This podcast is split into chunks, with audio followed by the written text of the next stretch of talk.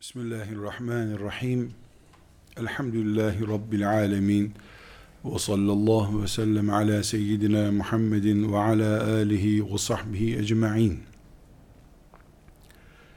Tartışma terbiyemizi, bu terbiyenin sınırlarını konuşmak zorundayız diye düşünüyoruz ve konuşuyoruz. Müslümanlığımız susmuş, dili kemikleşmiş insanlar olmamızı gerektirmiyor. Ama Müslüman olduğumuz için de sınırsız konuşabilen, istediğini konuşabilen insan da olamıyoruz. Ortada bir çizgimiz var. Bu çizgimize Müslümanlığımız hükmediyor. Müslüman olmamız hükmediyor ve biz bu çizginin üzerinden bir tartışma terbiyesi takip ediyoruz. Bu terbiyeye tartışma terbiyesine, konuşma da diyebiliriz buna. Bu terbiyeye bazı sınırlar, ilkeler tespit edebiliriz. Mesela üç şey bizim dilimizde herhangi bir şekilde ulu orta konuşulabilir, tartışılabilir değildir, olamaz. Müslüman olduğumuz sürece. Birincisi Allah'ın kitabı, Kur'an. Peygamber sallallahu aleyhi ve sellemin sünneti. Üçüncüsü de ashab-ı kiramın icma ettiği şeyler icma etmiş olmaları Allah'ı ve peygamberi en iyi anlayan insanlar olarak bizim de edebimizle susmamızı gerektiriyor. İcma ne demek? Ashab-ı kiramın bir konuda topluca kanaat kullanmaları demek. Binlerce böyle bir mesele yok ama çok güzel örnekler var. Tekrar özetleyecek olursak biz Müslüman insanlar olarak Kur'an tartışması yapmayız. Resulullah sallallahu aleyhi ve sellemin şahsını ve sünnetini tartışmayız. Ashab-ı kiramın topluca kanaat belirttikleri bir konuda kıyamete kadar bir daha kanaat belirtmeyiz. Bu bizim tartışma terbiyemizin kırmızı çizgileri deniyor ya şimdiki zamanda kırmızı çizgileridir. Bu üç şey bizim için masumdur adeta. Kur'an zaten masum. Peygamber aleyhisselam efendimizin sahih sünneti bize kadar intikalinde bir sorun olmayan sünneti sahih sünnet diyoruz. Bu masumdur. Peygamber aleyhisselam masum olduğu için ashab-ı kiramın binlercesinin oturup icma etmesini de masum bir çizgi olarak görüyoruz. Bir gün Müslümanların arasında eğer ashab-ı kiramın icma ettiği bir konu mesela mürtetle savaşılır diye icma ettiler. Mesela zekat vermemekle namaz kılmamak aynıdır. İcma ettiler böyle bir konu günün birinde bir camide, bir medresede, Müslümanlara ait bir yerde tartışılıyorsa, hani halk arasında bu adam casus filan deniyor ya birilerini itham etmek için, Müslüman terbiyemiz bu üç şeyi tartışan, rakip görüş çıkaran kimseyi bu gözle bakmaya mecbur eder bize. Madem biz Müslümanız, bu üç şey bizim kökümüzdür. Ebu Hanife ise rahmetullahi aleyh bizimdir ama dalımızdır. Meyve veren ağacımızın dalıdır. Birisi Ebu Hanife'yi kökten koparsa bile maazallah daldır. Seneye aynı kopan yerinden filiz verir ve ağacımız büyümeye devam eder. Ama Kur'an'ımız Resulullah sallallahu aleyhi ve sellem Efendimizin sünneti, ashab-ı kiramın icmağı köktür bizde. O köklerle oynandığında dallar kendiliğinden kurur zaten. Bu sebeple bu üç şeyle asla oynamayız, tartışmayız, müdahale etmeyiz, masum görürüz, kapalı görürüz. Bunun dışında, bu üç şeyin dışında tartışma, görüş belirtme, karşı görüş belirtme caizdir, mümkündür, gereklidir. Birisi Ebu Hanife'ye itirazda bulunabilir. Ebu Hanife bunu yanlış düşünmüş diyebilir. Bu diyebilirlik nereden kaynaklanıyor? Ebu Hanife'nin kendisinden kaynaklanıyor. Ebu Hanife rahmetullahi aleyh bir defa kendisi gibi büyüklere muhalif görüş belirtti din hususunda. Onun varlığı Ebu Hanife diye bir ismin varlığı bunun mümkün olduğunu gösteriyor. Kendisini yetiştiren hocalara karşı görüş belirtti Ebu Hanife. Ebu Hanife'nin yetiştirdiği talebeleri henüz o vefat etmeden önce onun ilim meclisinde biz senin gibi düşünmüyoruz. Filan filan konuda dediler. O da bununla iftihar etti. Ne yapıyorsunuz çocuklar? Demedi. Ebu Yusuf'u rahmetullahi aleyh adeta evlatlık gibi yetiştirdi, büyüttü. Hem ona babalık yaptı, hem hocalık yaptı. Her iki açıdan Ebu Yusuf'un babası o. İlim babası ve maddi destek babası. Onun sağlığında Ebu Yusuf, ki herhangi bir ilmihalde bunu çok rahat görürsünüz, yüzlerce meselede, beş, on değil, yüzlerce meselede, ben böyle düşünmüyorum üstadım dedi. O da onu takdirle karşıladı. Çünkü Ebu Yusuf da, onun acısı Ebu Hanife'de masum değil. Masum değil. Ama kardeşlerim, burada çizdiğimiz çizgi çok önemli. Hani bu ana çizgimizin dışında bir çizgi daha çiziyoruz. Şimdi bir insan doktora gidiyor. Doktor ona diyor ki senin ciğerlerin su toplamış diyor. İşte röntgende görünüyor diyor. E şöyle şöyle bir tedavi yapacağız diyor. Adam bu tedavi ağır diye başka bir doktora daha gidiyor. O doktor muayene ediyor. Yok canım senin bronşların kilitlenmiş solunum sorunu yaşıyorsun. Şöyle şöyle iyi olur bu diyor. Bu bir doktorun içtihadıdır. Öbürü de içtihattır. Birisi elinde bir yara oluyor. Mikrop kapmışsın diyor. Öbür doktor diyor ki bu mikropla ilgili değil. Ciğerlerinde filan sorun var diyor. Mühim olan hasta iyi olsun da hani derler ya Anadolu'da bizim ölüye rahmet gitsin de nasıl giderse gitsin. Hasta şifa bulsun da nasıl bulursa bulsun deriz, geçiştiririz. Ama mesleği esnaflık olan birisi, hayatında tıp kitabı görmemiş, anatomi kitabı görmemiş birisi, ilaç tavsiye ettiği zaman, gülüp geçiyoruz, çocukluk kabul ediyoruz, çok avamilik görüyoruz buna. Ya iki doktor tartışıyorlar, biri diyor ki bu ciğer sorunudur, öbürü diyor ciğer sorunu değildir, filanca sorundur diyor. Adamlar şu kadar sene ilim tahsil etmişler. Şu kadar bin hasta görmüş adamlar.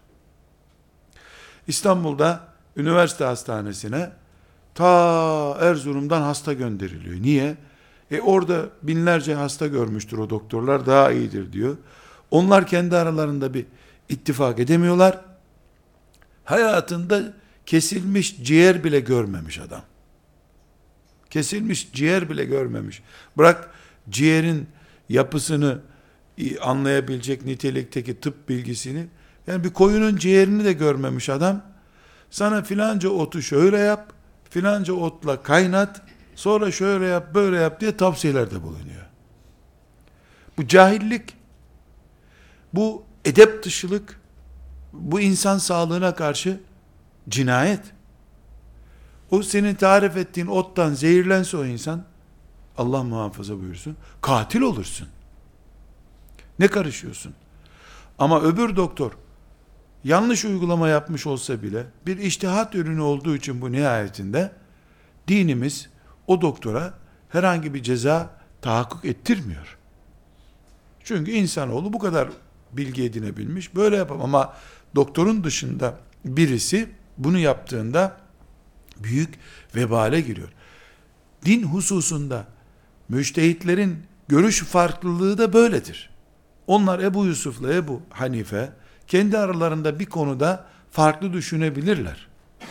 Ama sıradan bir insan, işte sokak deyimiyle konuşacak olursak, esnaftan birisi, ben de böyle düşünüyorum dediği zaman, ot ilacı yapan bir köylü e, kültürüyle hareket eden bir insana benzemiş olur. Yani biz e, üç kaynağımız Kur'an, sünnet ve ashab-ı kiramın icmağını asla tartışamayız. Onu dilimize dolayamayız bu üç şeyi dediğimiz zaman bunu kastediyoruz. Neticede Efendimiz sallallahu aleyhi ve sellemin sağlığında da ashab-ı kiram farklı görüşleri aralarında konuşmuşlardır, tartışmışlardır. Efendimiz sallallahu aleyhi ve sellem buna asla e, müdahale edip ayıplayıp kınamamıştır. Ama ama bir defasında mescide e, sonradan gelmiş aleyhisselam efendimiz ve orada ashab-ı kiramın hararetli kader tartışması yaptıklarını görmüş. Şöyle midir kader böyle midir diye mübarek yüzü nar gibi kızarmış sahabenin tarifiyle. Böyle tartışasınız diye mi size Allah beni gönderdi buyurmuş. Aynı sahabi grubu Beni Kurayza'ya gitmeden e, e, yani Beni Kurayza'dan önce kimse ikindiyi kılmasın diye tembih etmişti Efendimiz. Ashab-ı kiram yolda e, namaz kıldılar. Bir grubu kılmadı. Namaz kılanlar dediler ki bize Resulullah sallallahu aleyhi ve sellem yani muhakkak gidin oyalanmayın demek istedi. Namaz kılmamıza bir engel yok zaten gidiyoruz. Öbürü de dediler ki bize Beni Kurayza'ya gitmeden namaz kılmayın dedi. Ben öyle anlarım gittiler. Efendimiz'e aleyhissalatü vesselam bu mesele geri döndürüldüğünde yani bir emir iki saat içinde iki farklı uygulama görmüş. İkindiyi muhakkak Beni Kurayza'da kılın sözünü bir kısmı aman namaz bile olsa geciktirmeyin şeklinde anlamış. Öbürü de e, Efendimizin maksadı hızlı gitmektir. Hızlı gidiyoruz biz zaten demişler. Bu fıkıh üzerinden yapılmış bir tartışma, fıkıh üzerinde bir farklılık, mesele Efendimiz'e intikal ettirildiğinde hiçbir şekilde tepki göstermemiş, aferin der gibi iki grubu da işine göndermiş tekrar. Neden? Çünkü kaderi tartışmak, çizgiyi aşmaktır. Ona şiddetli tepki göstermiş. Kader bilgisi konusunda Ömer bin Hattab'la herhangi bir sıradan avamın farkı yok. Kaderi Ömer de bilmiyor çünkü. Bilmesi de mümkün değil. Ama fıkıh konusunda farklı düşünmek oradaki müştehit insanların, ashabın, büyüklerinin Allah tarafından kendilerine verilmiş hakkı. Burada küçük bir soru sorabiliriz. Dedik ki e, tartışma yapıyoruz. Tartışmayı da ana çizgimiz korunduğu sürece sakıncalı bulmuyoruz. E peki A veya B ya da C şahısları oturup tartışırlarken yanlış yapma ihtimalleri yok mudur? Vardır niye olmasın ki? Yanlış da yapabilirler. Yani bir şekilde e, müştehit insanın yani din konusunda konuşan insanın oturup hata yapması dine zarar vermek değildir Allah'ın izniyle. Niyet samimi olduğu sürece, Allah'ın dinine hizmet etmek olduğu sürece, vakfın kitabını satmak, vakfın dergisini daha çok satmak, vakıfta derslere gelen insan sayısını artırmak gibi, şöhret olmak gibi batıl bir niyetten kaynaklanmıyorsa bu, sabah namazını da kılan bir adamsa dinimizle ilgili bir şeyi tartışan, haram yemeyen birisiyle ise eğer oturup da bu Müslümanın yaptığı tartışma dine zarar vermez. Ebu Hanife ile İmam Şafii'nin tartışmalarının dine zarar vermediği gibi. Ama daha sonra Şafii'dir diye Hanefilerin dışladığı, Hanefidir diye Şafiilerin dışladığından din büyük zarar gördü. Din o zaman zarar gördü. Hepimizin asla unutmaması gereken bir hadisi şerifi muhakkak zihin dağarcığımıza yerleştirmemiz lazım. Bu hadisi şerif İslam'da niye mezhepler var? Niye Ebu Hanife konuşup duruyor? Muhammed bin İdris Eşşafi'i rahmetullahi aleyhim cemiyen niye kendi kendine göre iştihat yapıyor ya da yapıyorsa kendi kendine göre tabii yani böyle dışarıdan seyredildiğinde sanki zevkine göre hoşuna giden iştihat yapmış. Bukhari, Müslim, Tirmizi, Nesai, Ebu Davud ve İbn Mace'nin rivayet ettiği gördüğümüz gibi sadece Kütüb-i Sitte'nin tamamında var. Kütüb-i Sitte'nin dışındaki de onlarca kaynakta da var. Bukhari'de 7352. hadisi şerif, Müslim'de 1716. hadis-i şerif, Tirmizi'de 1326. hadisi şerif, Ebu Davud'da 3274. hadis-i şerif, Nesai'de de 5381, İbn Maci'de 2314. hadisi şerifte Efendimiz sallallahu aleyhi ve sellem çok mühim bir kural koyuyor.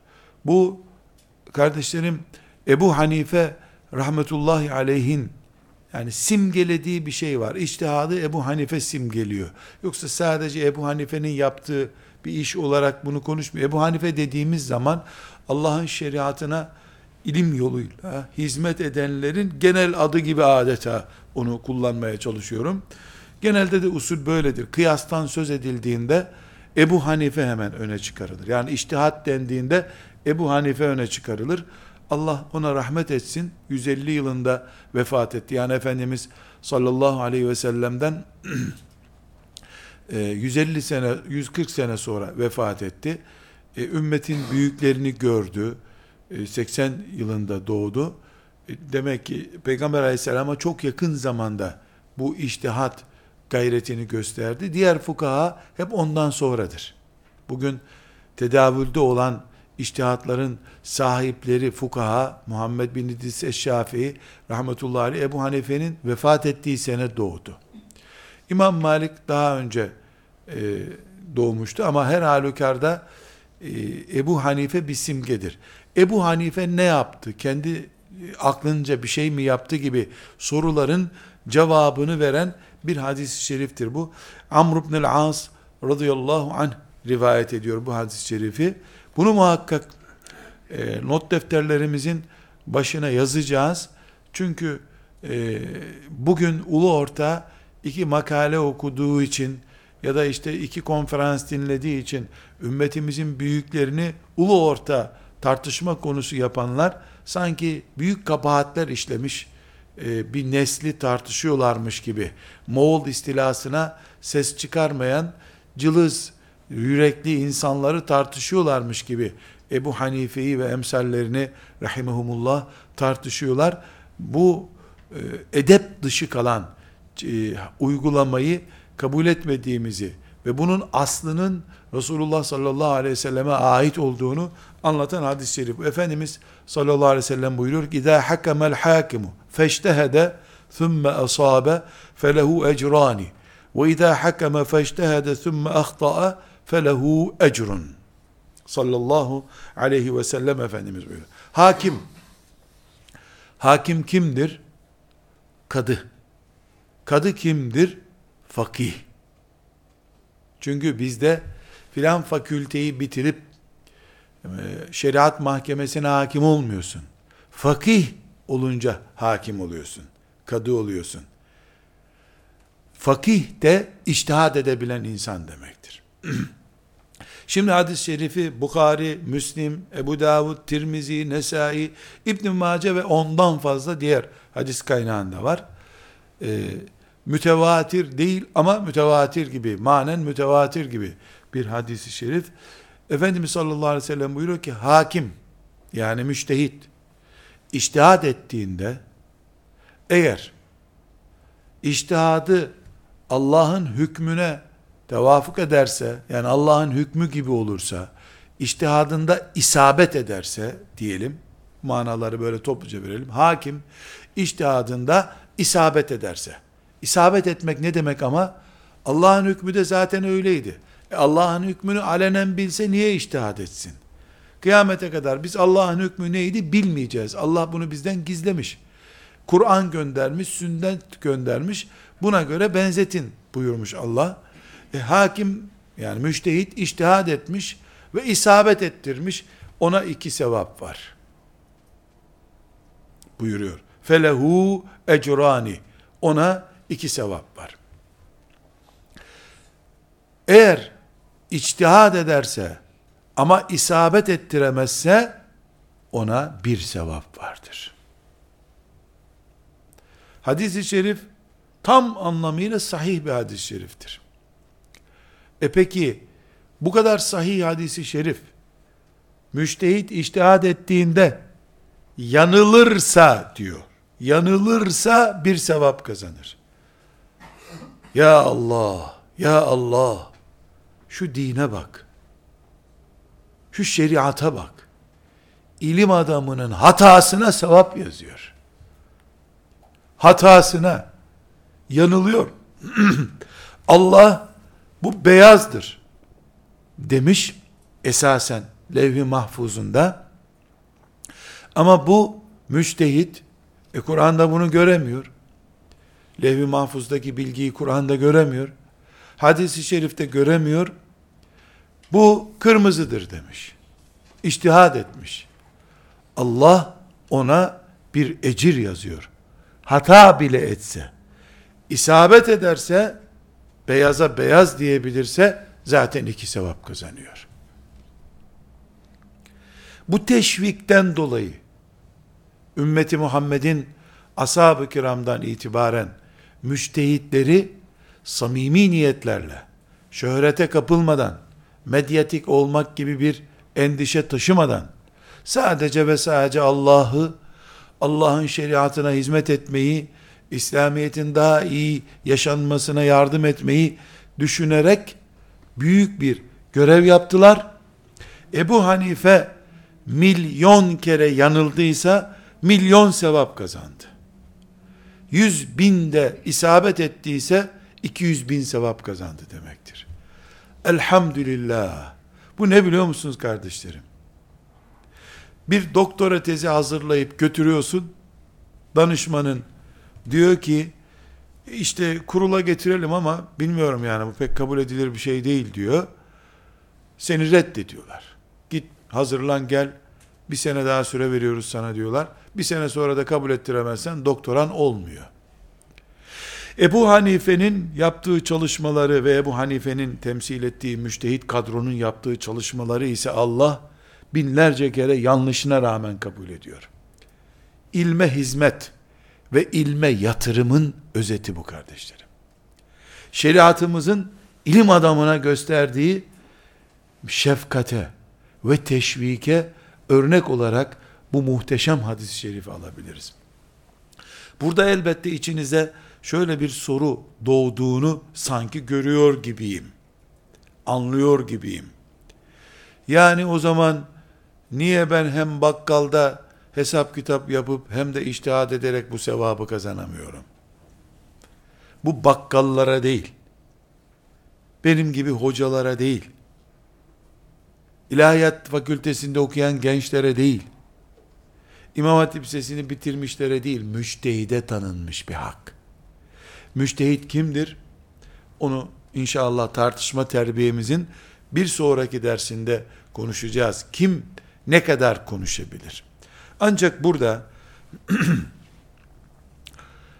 sizinle İmam Gazali'nin dünyasına biraz gitmek istiyorum.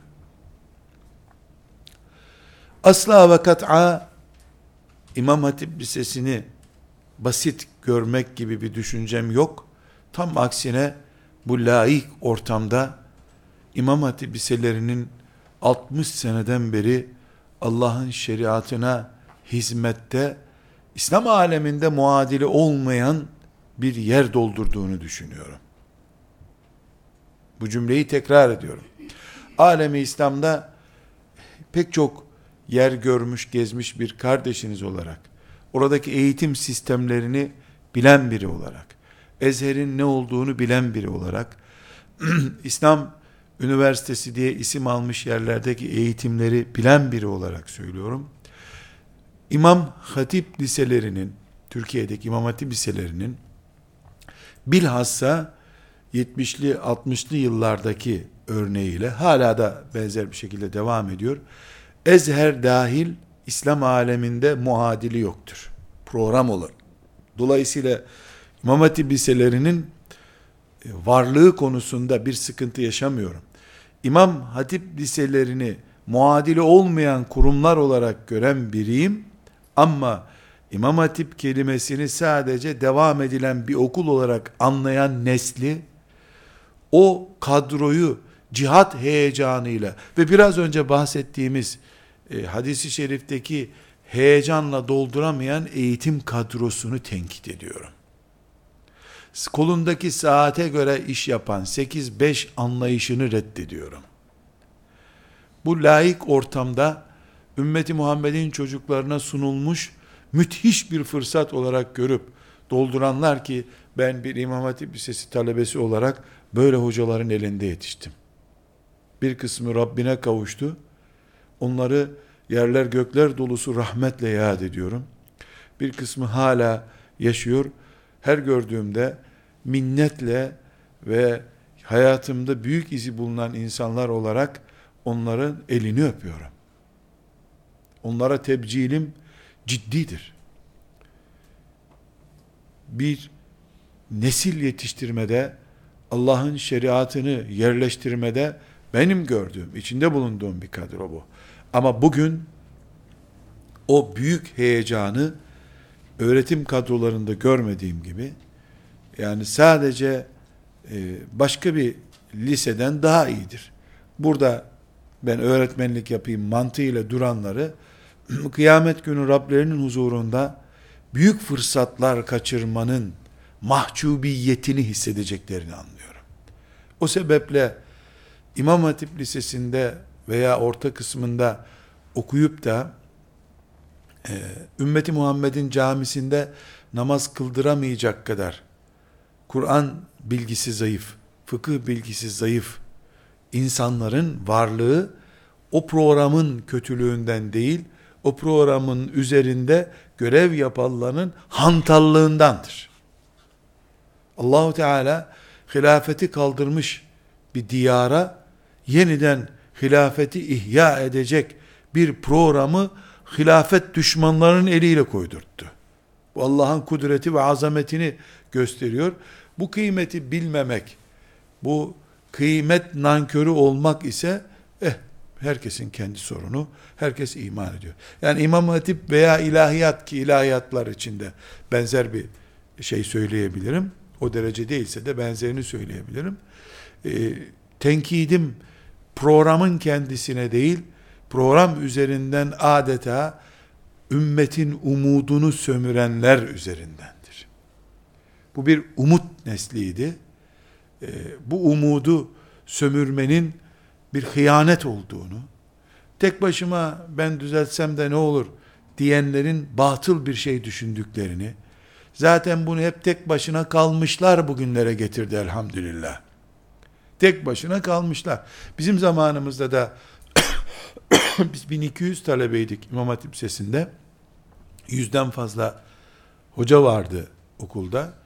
E bunların 5-6 tanesinden Allah razı olsun diye söz ediyorum. Gerisi e, çomak sokmak için durur gibiydiler. Özellikle matematik dersimiz zayıf olsun diye uğraşanları vardı mesela.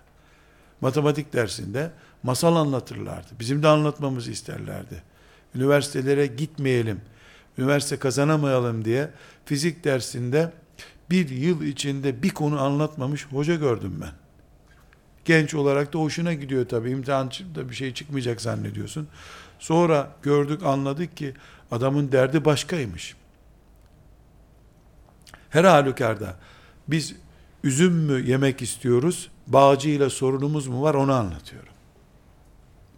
Şimdi Rabbimden büyük rahmetlerle onu kıyamete kadar mezarında nur içinde yaşatmasını ki yaşıyordur diye düşünüyorum. Yaşatmasını temenni ettiğim, dualar ettiğim, kalbimize feyiz akıtan büyük İhya-i Ulumuddin'in sahibi İmam Gazali'den nakiller yapacağım kardeşler. Çünkü hakimin iştihad etmesi, müştehidi gibi konuları konuştuk. Şimdi insanlar ben de İmam Hatip Lisesi mezunuyum deyip bu işe soyunabilirler. Ben ilahiyatta okuyorum diye soyunabilirler. Bir de Gazali'den ilahiyat, İmam Hatip yorumu alayım istiyorum. Burada niye İmam Hatip konusuna girdim? Bizim derdimiz üzüm yemek mi, bağcıyı dövmek mi onu anlatmak için. Biz üzüm yemek istiyoruz. Derdimiz üzümdür. Bağcı ile bir sorunumuz yoktur. Eğer e, kasıtlı anlaşılırsa yanlış anlaşılmış olur. Kardeşler İmam Gazali'nin İhya-i Ulumuddini rahmetullahi aleyh bu ümmeti Muhammed'in kültür kitabı diye bir kitap serisi olacak olsa muhasebinin kitaplarından sonra ki onun gibi birkaç kişinin kitaplarından sonra hicretin 505. senesinde vefat eden İmam Gazali'nin yani bundan 900 sene önce oluyor. İmam Gazali'nin İhya Ulumuddin'i bir numaradır, ilk kitaptır, en kaliteli kitaptır. Sevmeyenleri bile, yani Gazali'yi de insan olarak beğenmeyenler olmuştur, kendisi gibi büyük alimlerden. Onlar bile bu kitap özetlense çok iyi bir kitaptır diyorlar. Sevmedikleri halde. Bu İhya Ulumuddin, din ilimlerinin canlandırılması diyebiliriz Türkçesine. Din ilimlerinin canlandırılması. İhya, yaşatmak, canlı tutmak demek. Din ilimlerinin canlandırılması. Çok güzel bir bugünkü dille tercüme edilmiş Türkçesi maalesef yok. Ee, ben İmam Hatip Lisesi'nde talebeyken 30 küsür sene önce yapılmış tercümeleri var. Ee, her halükarda e, Arapçasından okunması gerekir. Yani özü Arapça bu kitabın. E, Arapçayı okuma imkanı olmayanlar kütüphanelerinde İhya-i Ulumuddin bulundurmalıdırlar. Baştan sona okunacak çapta bir kitap değil. Çok hacimli. Dört, zannediyorum bin sayfalık dört ciltten oluşuyor Türkçesi. Yani her bir cildi bin sayfa belki daha da fazladır. Türkçe sayfasını bilmiyorum. E, şu elimdeki baskısı da 10 cilttir mesela. İhya Ulumuddin'i konu konu okumakta fayda var. Mesela şimdi tavsiye edeceğim. İlk başlarken İmam Gazali rahmetullahi aleyh ilim diye bir başlıkla başlamış. Önce ilimden ne anlaşılması gerektiğini izah etmiş. Arapçasında 100 sayfa kadar bir bölümdür. Keşke ilahiyat fakültelerine girişte bir hazırlık sınıfı diye sınıf var. Arapça dersi veriliyor. Keşke o hazırlık sınıfında Arapça ile beraber İhya Ulumuddin'in ilim babı da okunmuş olsaydı. Keşke İmam Hatip Lisesi talebeleri ilimle meşgul olacak kapasiteleri varsa hocalarından biri onlara yaz tatilinde şu İhya Ulumuddin'in ilim babını okusalardı, okutsalardı. İlimden ne anlamamız lazım? Allahu Teala hangi ilme sevap vaat ediyor? Peygamber sallallahu aleyhi ve sellemin İza hakemel hakimu hakim, müştehit iştihad ettiğinde, hüküm verdiğinde buyurduğu mesaj kimler içindir? Sorularının cevabı var. Bu İhya Ulumuddin'in ilk bölümünde. Tamamını okumak gibi bir düşüncem yok. Ama çok özet bir şekilde pasajlar alacağım. Kim hangi ilim okumalı, ne kadar okumalı, sonra kendisini nerede koy, kabul etmeli gibi soruların cevabını veriyor İmam Gazali rahmetullahi aleyh.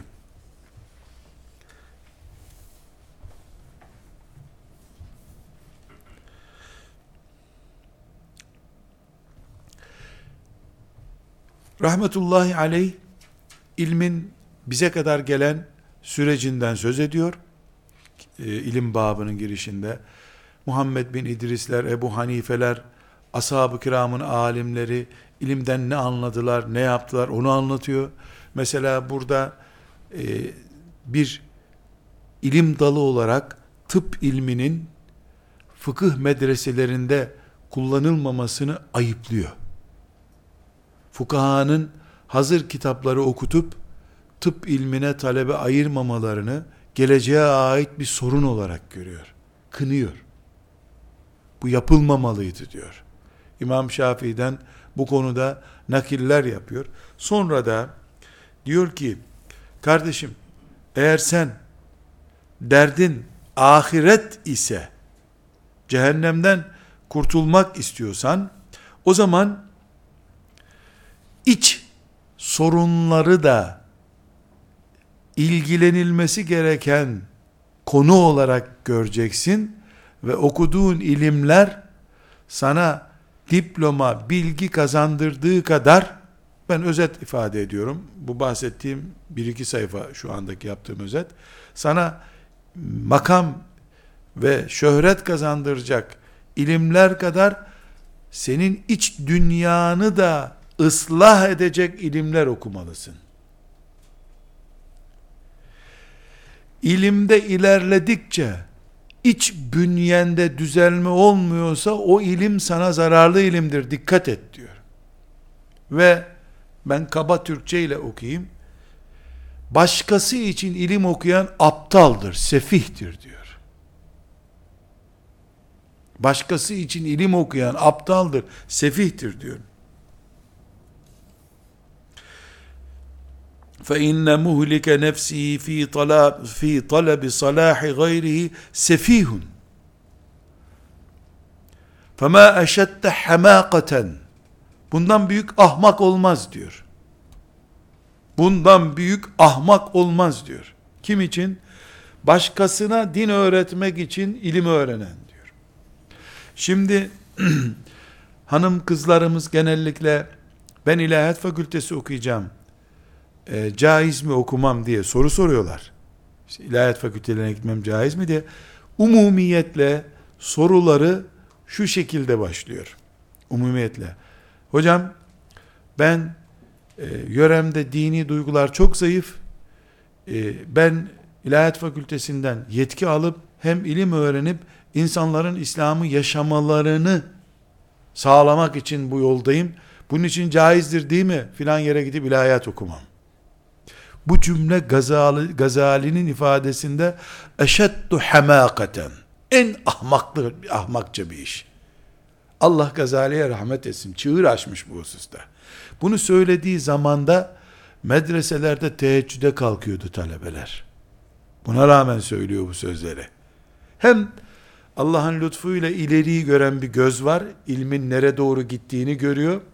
Hem de o dönemde de halka kuracak, ders okutacak, başkalarına fıkıh okutacak mantığı yerleşmiş talebelere demek ki. Kendi iç bünyesini toparlamadan başkalarına din öğretmeye çalışmayı ahmaklık görüyor. Sefihlik görüyor. Bu kabaca kelimeler Gazali'ye ait. Ben Türkçeleştiriyorum bunları. Bu ümmetin ilimden anladığı şey Peygamber sallallahu aleyhi ve sellem'in bu vaadinin içini dolduran şeydir. Ecir vaat ettiği şeydir. Sonra diyor ki bir insan diyor sağlıklı olmak için krem mi sürer derisine hep diyor. Örnek veriyor. İyi yaşamak için sürekli krem sürüyor diyor. Ciğerleri çürümüş haberi yok ama diyor. Hep ders okuyup okutan başkalarına okutanlar diyor sürekli derisine krem, krem süren insanlardır diyor. Krem seni ne kadar güzelleştirecek ki iç organların çürümüş senin diyor. Onun için bizim okuduğumuz ilimler, Gazali'ye ait bu ifade, iç organlarımızı düzeltecek. Yani işte sonra örnekler veriyor. Alim hades, hasetçi olmaz diyor. Alim riya yapmaz diyor. İç hastalıklara örnekler veriyor. Alimde nifak olmaz diyor. Alim dünya düşkünü olmaz diyor. Alim maaş verildiği için şunu söyleyen adam olamaz diyor. Ama niye oluyorlar diyor. İç organlarını düzeltmeden deri, derilerine hep krem sürüyorlar onun için diyor. Rahmetullahi aleyh. Binlerce kere rahmet ediyorum Gazali'ye. Binlerce kere rahmet diliyorum Rabbimden. Ne muhteşem bir ifade. Sonra diyor ki yavrum diyor eğer oturup iç organlarını da yani maneviyatını da toparlayacak bir ilim sürecine girmek aşkı varsa sende bu e, işi de anladıysan sen o zaman sen farz ilimlerle meşgul olacaksın artık diyor. Farz ilimleri de farz-ı ayın olarak ayır diyor. Farz-ı kifaye olarak ayır. Farz-ı ayın ilimler zaten Allah'ın sana emrettiği şeylerdi. Onları bitirdin mi farz-ı kifaye ilimlere geçebilirsin diyor. Farz-ı ayın ne demek? Yapmazsan Allah sana soracak demek. Farz-ı kifaye ne demek? Kendin bir numaralı sorumlu değilsin ama kendini ileri, atıyorsun bunları yapayım diyorsun. Sonra da tedriç yap kendine. Yani basamak basamak sıçra. Tedriç yap, basamak basamak yürü demek. Bunu da bakın nasıl tarif ediyorum. Çok dikkat ediniz. Gazali Hüccetül İslam diye anılır. İslam simgesi adam. Böyle anılıyor. Febtedi bi kitabillah. Allah'ın kitabından başla. Kur'an'ı öğren. Sümme bi sünneti Resulillahi sallallahu aleyhi ve sellem. Sonra Resulullah sallallahu aleyhi ve sellemin sünnetini öğren. Sümme iştegil bil furu' Sonra da farz ilimlerle zaten meşgul oluyorsun ya, sonra da Kur'an ve sünnetten dallanmış ilimlerle uğraş. Fıkhı bu dallanmış ilimlerden biri görüyor. Ne demek dallanmış? Yani aslı Kur'an, aslı sünnet, o Kur'an ve sünnetten bir malzeme üretilmiş. Fıkıh böyle bir ilimdir. Böyle bir sıralama yap. Çok dikkat ediniz kardeşlerim. Bugünkü doktora tezine ömür harcayanlara da bir cümlesi var. وَلَا تَسْتَغْرِقْ عُمْرَكَ ف۪ي فَنٍّ وَاحِدٍ مِنْهَا taliben lil istiksai tek bir ilim dalına iyice yerleşeceğim diye ömrünü çürütme sakın. Allah rahmet eylesin e, Zahidül Kevseri ve Mustafa Sabri Efendi bir mecliste oturuyorlarmış Mısır'da. Hocam Emin Saraç sellemehullah da talebeleri onun yanında oturuyor. 1940'lı yıllara ait bir hatıradan söz ediyorum. Ee, Zahidül Kevseri'yi ziyarete gelmiş birisi. Rahmetullahi aleyh. Ee, o hoş geldin sen neredeydin? Epeydir görüşemiyoruz. Demiş. O da bugünkü ifadeyle doktoramı bitirmek için biraz içeri çekildim. Yani epeydir doktoramla meşgul oluyorum. Bitirdin mi demiş, bitirdim. E ne yazdın demiş. İşte filanca meseleyi yazdım demiş. Sadece onu mu yazdın? Ne kadar? Dört senedir yazıyorum demiş. Dört senedir sen bir işle mi uğraştın demiş. E evet hocam ama iyi yazdım demiş. Dönmüş Mustafa Sabri Efendi'ye demiş ki, Üstad demiş, Matel ilm. İlim öldü demiş. Bir talebe dört sene bir başlıkta yazı yazar mı demiş. Tabi hem Zahidül Kevseri hem Mustafa Sabri Rahmetullahi Aleyh bir haftada o işi yapıp bitiren adamlar. O adamın dört senede yazdığını bir gecede okuyan adamlar. Kenarına da not düşen adamlar. ilim öldü demiş. E çünkü bir konuyu yazıyorsun dört senede. E bir milyon konu var ilimde. Ne milyonu? E sana demek ki 7-8 milyar sene ömür lazım. İyi bir alim olman için. Şimdi hocamdan ben bu hatırayı dinlediğim zaman e, bir yere oturtmuştum. Ama Gazali'nin ihyasından bakıyorum daha güzel bir yere oturuyor. وَلَا تَسْتَغْرِقْ عُمْرَكَ ف۪ي فَنٍّ وَاحِدٍ Tek bir ilim dalında çürütme ömrünü. E bu ilim dalı dediği fıkıh filan ha öyle şey değil. İlim dediği o ilimden onu kastediyor zaten. Allah rahmet eylesin. Şimdi devam ediyorum. Metin olarak okuyayım. Fe innel ilme kesirun vel umra kasirun. İlim çoktur, ömür kısadır. Bunları böyle yazalım. Fe innel ilme kesirun vel umra kasirun. İlim çok, ömür kısadır. Ve hâzihil ulûmu âlâtun ve mukaddematun şu ilimlerin hepsi alettir. Asıl gayemiz bizim fıkıh okumak değil, Rabbimizin rızasını kazanmaktır. Fakih niye oluyorsun? Cennete girmek için. Demek ki fıkıh bir alettir. Evet. Ve hazil ulum alatun. Bu ilimler alettirler. Ve leyset matlubeten li ayniha bel li gayriha. Asıl gayemiz o ilimler değil bizim. Başka şeyler istiyoruz biz. Allah istiyoruz. Cennetini istiyoruz. Rızasını istiyoruz. E bu fıkıhtan geçtiği için fıkıh okuyoruz. Sadece Kur'an, Kur'an-ı Azimuşşan olan kitabımız, Kur'an olduğu gibi ibadettir. Alet değildir.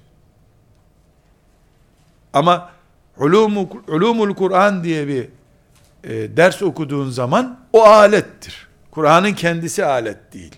Kendisi gayedir. Elhamdülillah. Şimdi devam ediyoruz. Faktasır yetin, yetin yani yeter sana. Min şai ilmil lugati ala ma tefhemu bihi kelamel arabi ve tantuku bihi. Arapçadan Arapların kitabında yazdığını anlayacak kadar okuman yeterli. Gazali diyor. Arapçaya dalma. Arapça bir ilim olarak okuyacaksan oku. Ama Arapça bir alettir. Kendisi, Arapçanın kendisi cennet değildir. Çok Arapça bilen cennete girmiyor. Ama Cennete girmek Arapça ile elde ediliyor. Şeriatla elde ediliyor. Bu sebeple Arapçaya ömrünü çürütme. Vaktasır minen nahvi Nahiv ilmi Arapçanın bir dalı. Ala ma yeteallaku bil kitabi ve sünneti. Arapçada da Kur'an ve sünnette fail meful anlayacak kadar oku. Senelerce değil. Senelerce değil. فَمَا مِنْ عِلْمٍ illa ve lehu iktisarun ve iktisadun ve istiqsa'un. Her ilmin özeti vardır. Şöyle yeterli olanı vardır, derinlemesi vardır. Arapçayı üçe ayırdı şimdi. Yeterli Arapça ne ediyor? İnnellezîne keferû sevâun aleyhim. Bu ayetten ne anladın sen? Kafirler için şöyle şöyle. Ha, sen Arapça bildin. Yeterli Arapça. Derinlemesine Arapça ayrı bir konu. Ömrünü Arapçaya da o zaman. Çok enteresan bir örnek daha veriyor. Ve emmel hadisu e, tefsire örnek veriyor. Tefsirde de Allah'ın sözünü anlaman yeterli, müfessirlerin kavgalarına girip durma diyor. Allah'ın sözünü anladın mı yeter. Nisa Buri'nin El Veciz diye bir tefsiri var. O yeter diyor. Uzatma işleri. Veciz dediği özet demek. Hadise gelince çok tatlı bir ifadesi var. Fel, fel iktisaru fihi. Hadiste yeterli şey derinlemesine değil. Tahsilu ma fi sahihayn sahihayn yani Bukhari ve Müslim'deki ifadeleri anlamandır diyor. Ve bunu da o ilimde habir olan, ehliyeti olan bir alimin önünde yap, Buhari ve Müslim'den hadis oku yeterli. Çok dikkat edin. Hadis ilmi az çok zikrediyoruz. Dersimizde zaten hadisle ilgili. İşte filanca ravi, filanca ravi, filanca ravi diye ravi isimleriyle geçer. Ne diyor burada? O amma hifzu esame er ricali sen eğer hadis ilminde derinleşmeyeceksen ravilerin isimleriyle ezberleyerek meşgul olma. Senden öncekiler o işi hallettiler. Sen Bukhari ve Müslim'den hadis oku, feyiz al, bereket al, yoluna devam et. Bunu söyleyen Gazali rahmetullahi aleyh. Kelam ilmine gelince, kelam ilminden de konuşuyor. Selefi salihinin neye inandığını bilmen yeterli diyor. Halbuki kendisi iyi bir filozoftur. Ama istiğfar edip geri gelmiş. Ve burada da e, verdiği önemlerde yani işaret ediyor ki biz de e, bu işlere girdik ama sonunu getiremedik. İyisi mi bari sen girme diyor. Ve şimdi ben hızlı hızlı şekilde beşer sayfa beşer sayfa atlayarak naklediyorum.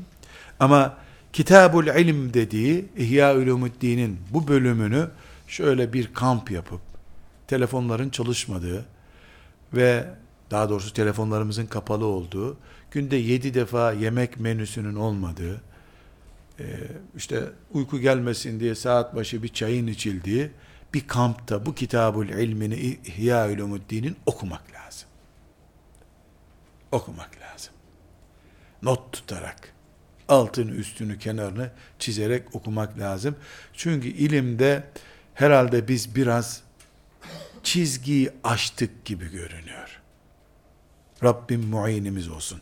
Şimdi burada Gazali'nin tartışmalı konularda gelinen nokta diye bir başlığı var. O ammel hilafiyat diye e, başladığı bir bölümü var. Yani Müslümanlar arasında tartışmalar, hocaların birbirlerine cevapları e, ve alimlerin birbirlerinin hakkında yazdıkları kitaplar sanki küfür bitti de Müslümanlar kendi içinde tartışıyormuş gibi konularda verdikleri cevaplar çok müthiş tespitleri var. Diyor ki Gazali 900 sene önce ashab-ı kiram diyor birbirleriyle tartıştılar diyor. İlmi tartışmalar yaptılar. Şimdi ben insanlar görüyorum. E, Ebu Bekir'e karşı, Ömer'e karşı da diyor neler söylemişti İbn Abbas diyorlar bana diyor. İnsan Allah'tan utanır diyor. Onlar Allah'ın şeriatı sivrilsin diye yaptılar. Sen nefsini sivriltiyorsun bununla. Ne kadar çirkin bir şey ki Ebu Bekir'i de alet ediyorsun bu işe diyor. Ömer'i alet ediyorsun. İbn Abbas'ı bu işe alet ediyorsun diyor. Örnekler veriyor. Ali nasıl çıkıp da e, haykırdı şeriatı. Onlar nefislerini yok edip şeriatı öne çıkardılar. Sen şeriatı kullanıp nefsini öne çıkarıyorsun. Onun için bizim tartışmalarımız samimi değildir diyor. Samimi olacak olsaydı önce farzları gündeme getirirdik diyor. Köşede bucakta kalmış konuları getirmezdik. Farzlardan da bir sıralama yapardık diyor. Bugünkü kendisini kastediyor. Bugünkü nesle acil lazım olan konu köşede bucakta kalabilecek ikinci derecedeki konular derdik diyor. Bu sıralamayı yapmadığımıza göre, yapılmadığına göre yani önce Allah'ın farzları iman konusu. Daha sonra öncelikli konu mesela namaz mı çok önemlidir? Cünüplükten gusletmek mi önemlidir? Guslü bilmeyene namazı niye anlatacaksın? Zaten cünüp kılsa gavur olacak. E önce guslü bitirip namaza geçmek gerekir. Bu sıralamayı yapmayan yaptığı tartışmada nefsi için tartışıyordur diyor. Diye çok örnekler veriyor. Tabi Gazali'nin döneminde e, işte bir sürü filozoflar e, vesaireler e, büyük tartışmalar yapıyorlardı. Selçukluların da işte dağılmaya başladıkları bir dönem. Burada çok hoşuma giden ve altını çizdiğim bir başlığı var. E, diyor ki tartışmadan uzak olman insanların ve cinlerin şeytanlarından korunman demektir diyor. Tartışmalara daldığında bile bile şeytanlara kendini teslim edersin. Allah rahmet eylesin. Bu bahsettiğimiz e, hususiyeti tekrar tekrar e, tavsiye ediyorum. E, muhakkak bir program yapalım. Gazali'nin bu bölümünü okuyalım. Sonra belli başlıklar sayıyor. İşte altı maddede e, Müslümanın tartışırsa nasıl tartışacağını anlatıyor. Onları konuşacağız inşallah dersimizde. Ondan alıntı yaparak.